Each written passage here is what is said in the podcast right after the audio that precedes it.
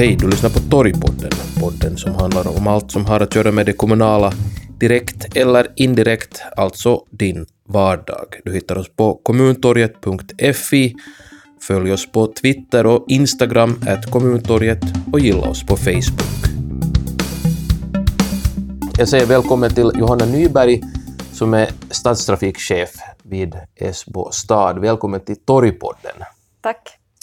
Vi ska prata trafikfrågor förstås, eh, som är på allas läppar, inte minst eh, på grund av att varje stad och kommun idag i Finland så måste beakta klimatförändringen, alltså klimatfrågan, hur mycket eh, utsläpp som eh, trafiken står för helt enkelt. Och vi ska komma till just en sån fråga. Men vad skulle du själv säga eh, som stadstrafikchef, vilken är den här största trafikutmaningen som Esbo stad står inför idag och vad ska ni göra för att lösa den? No, på kort sikt så skulle jag säga att vi inte har så jättemycket problem. Förstås får vi alltid respons för gatuarbeten, att det okay. stockar trafiken och det blir rusning och förstås mera utsläpp i och med rusning, men att de är ganska kortvariga och det fixas när gatan blir färdig. Uh, en annan sak som vi får mycket respons över är kollektivtrafiken, vilket ju förstås är roligt att folk är aktiva och vill ha bussförbindelser och en buss som går ofta framför dörren och, mm. och direkt till olika stadscentrum och till Helsingfors. Och det är jätteroligt att folk är aktiva och vill åka kollektivtrafik. Problemet är ju det att vi inte kan erbjuda perfekt service åt alla eftersom vi, vi planerar kollektivtrafiken för stora grupper. Men att vi gör justeringar och ändringar för att servicenivån ska vara så bra som möjligt med den budget som vi har till förfogande. Och sen också på kort sikt så skulle jag säga att trafiksäkerheten är på en jättebra nivå. Det händer inte så mycket olyckor på gatorna i Esbo, men det är ju en sak vi jobbar jättemycket för ändå varje dag. Vad har, om jag får bryta in där, vad har ni gjort uh, uttryckligen för att förbättra trafiksäkerheten, om det är så att ni har fått olycksstatistiken ner? Ja, no, det har, historiskt sett har trafiksäkerheten varit på en jättelåg okay. nivå i Esbo. Uh, vi har ju en lite speciell stadsstruktur. Vi har inte ett stort stadscentrum utan många små, fem mm. små eller mindre stadscentrum. Och på det sättet är vår gatuhierarki kanske lite annorlunda. Vi har stora vägar som binder samman de här stadscentrumen, men utöver det har vi ganska mycket så här, alltså lugnare gator mm. där då barnen och åldringarna och, och fotgängare och cyklister rör sig. Så att man har lyckats separera de här stora trafikmängderna från sen lätta trafiken. Så det är en av orsakerna. Okay. Men sen om vi pratar om utmaningar gällande klimatförändringen så på lång sikt är vårt kanske största problem det att, att vi ser att allt fler åker kollektivtrafik men samtidigt ökar invånarantalet mm. i Esbo också Just i samma det. takt. Så andelen människor som åker kollektivtrafik har varit ganska stabil, 20 mm. procent mm. under de senaste åren. Men för att nå våra mål inom klimat förändringen så borde ju antalet människor som åker kollektivtrafik vara betydligt mera än 20 procent. Så det är en utmaning vi har i framtiden.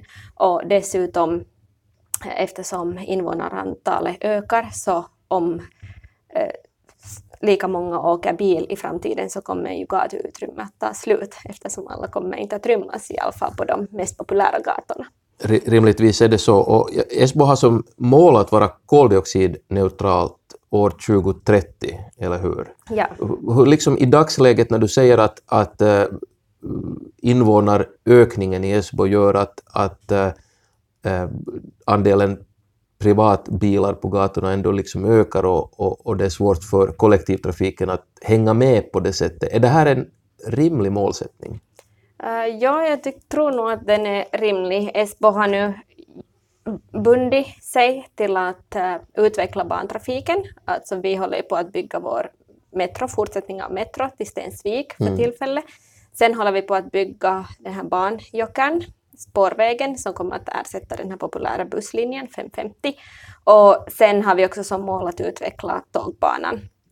Och i samband med det har vi bundit oss till att 90 procent av nya bostäderna och arbetsplatserna kommer att finnas längs de här nya banvägarna.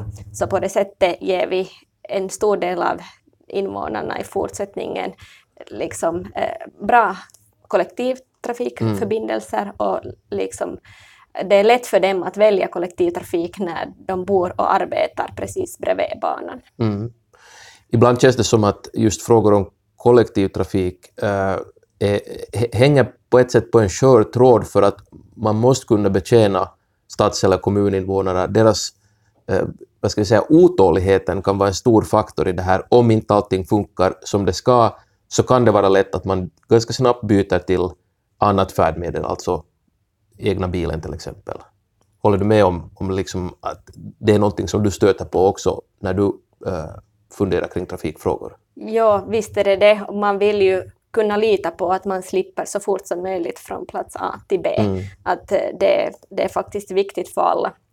Och därför jobbar vi jättemycket med att servicenivån ska vara på en toppnivå varje dag. Förstås kommer det störningar, men att det är jättehög prioritet för oss att det ska vara så störningsfritt som möjligt. Mm. Det är jätteviktigt. Uh, sen uh, gällande vårt mål att vara koldioxidneutralt inom tio år, så cykeltrafiken spelar en, en jättestor roll och nu funderar vi på hur vårt cykelnätverk ska mm. se ut i framtiden.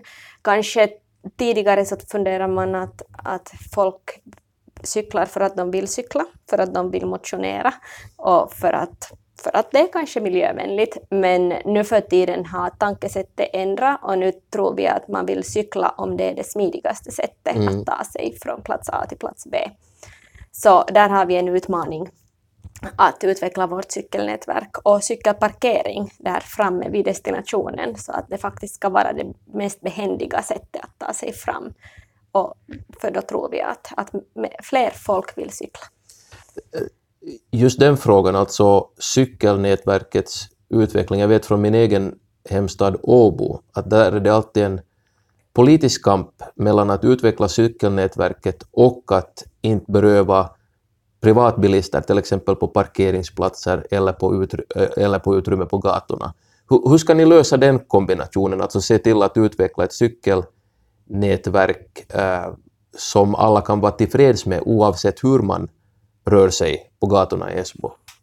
Ja, det är en stor utmaning och det är ju en ständig kamp mellan olika trafik, det här, alltså sätt att ta sig fram. Alltså vi har ju bilar, vi har bussar, vi har cyklister, vi har fotgängare mm. och för alla de här borde det finnas utrymme. Och det här, ofta pratar man om just kampen mellan bilister och cyklister, men nu tänker vi att vi borde ju ge alla en chans att ha, ha tillräckligt med utrymme. Och så har vi också märkt att om vi ger mer plats för cyklisterna, så de som vinner mest är fotgängarna.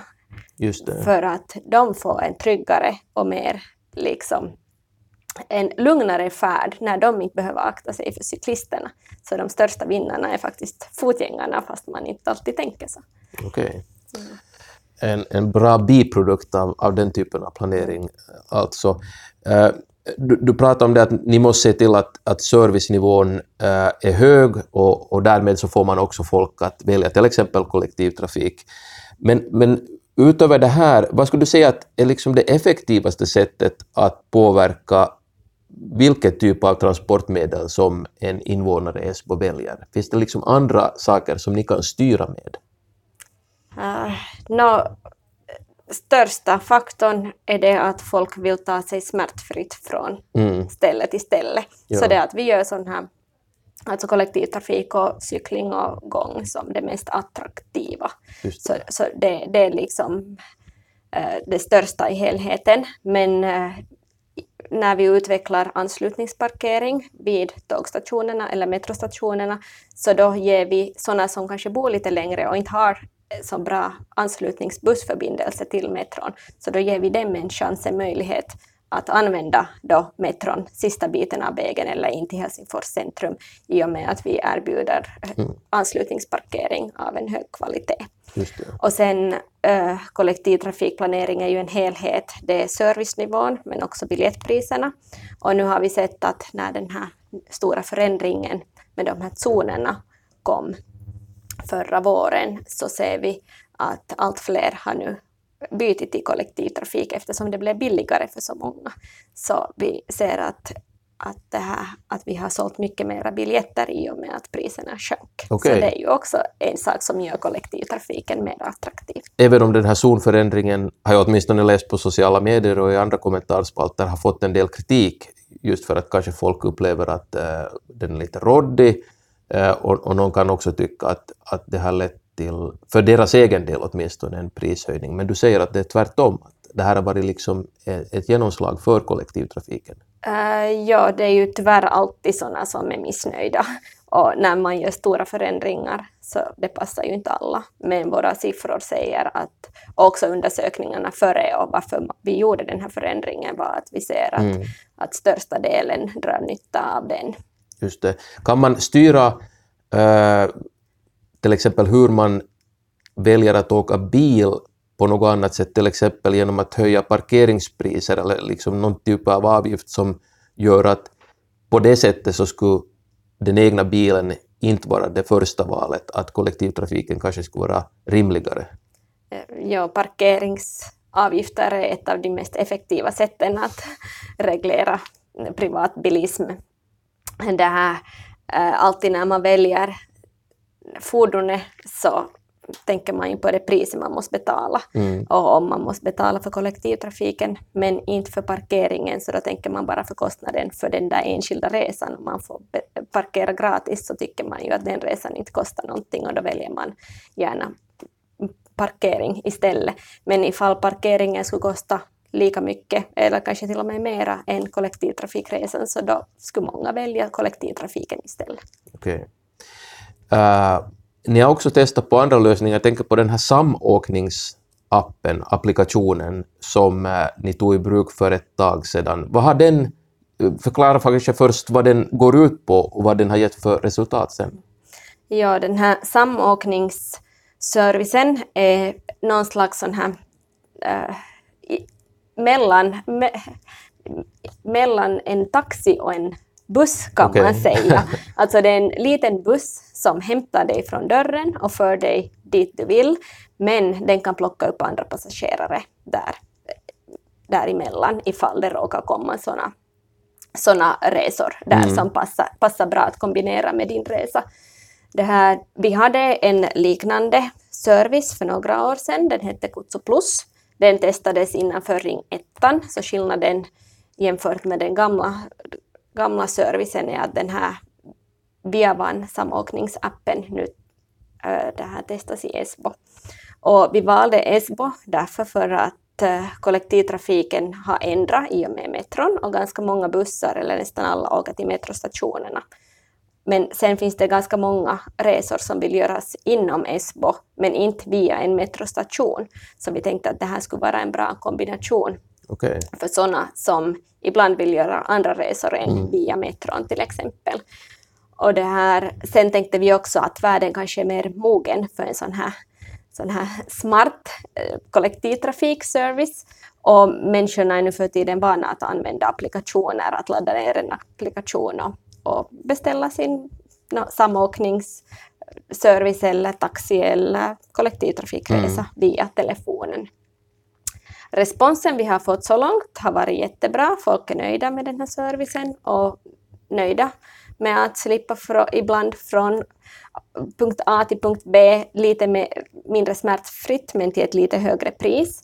Men problemet med sådana här pilotprojekt är alltid att tiden är ganska kort Mm. och det är ganska få som hinner höra om den före projektet slutar. Men nu har vi ännu fyra månader kvar och vi ser att, att antalet passagerare ökar hela tiden.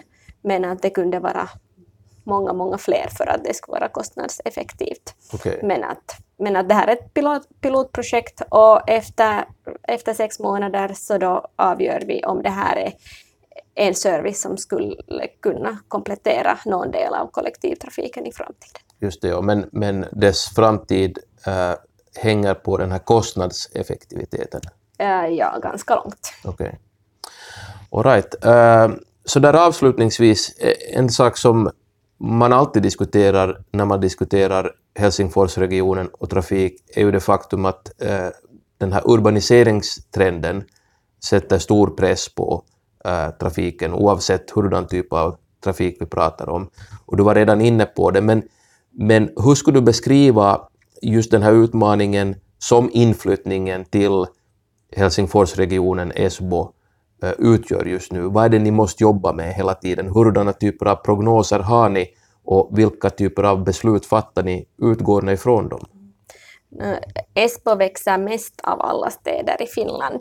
Men det här det är ju en utmaning, men samtidigt ser vi att vi har ju varje dag när vi utvecklar vår stad en ny möjlighet att göra bättre beslut. Eftersom vi måste planera staden hela tiden så kan mm. vi hela tiden göra bättre och bättre beslut.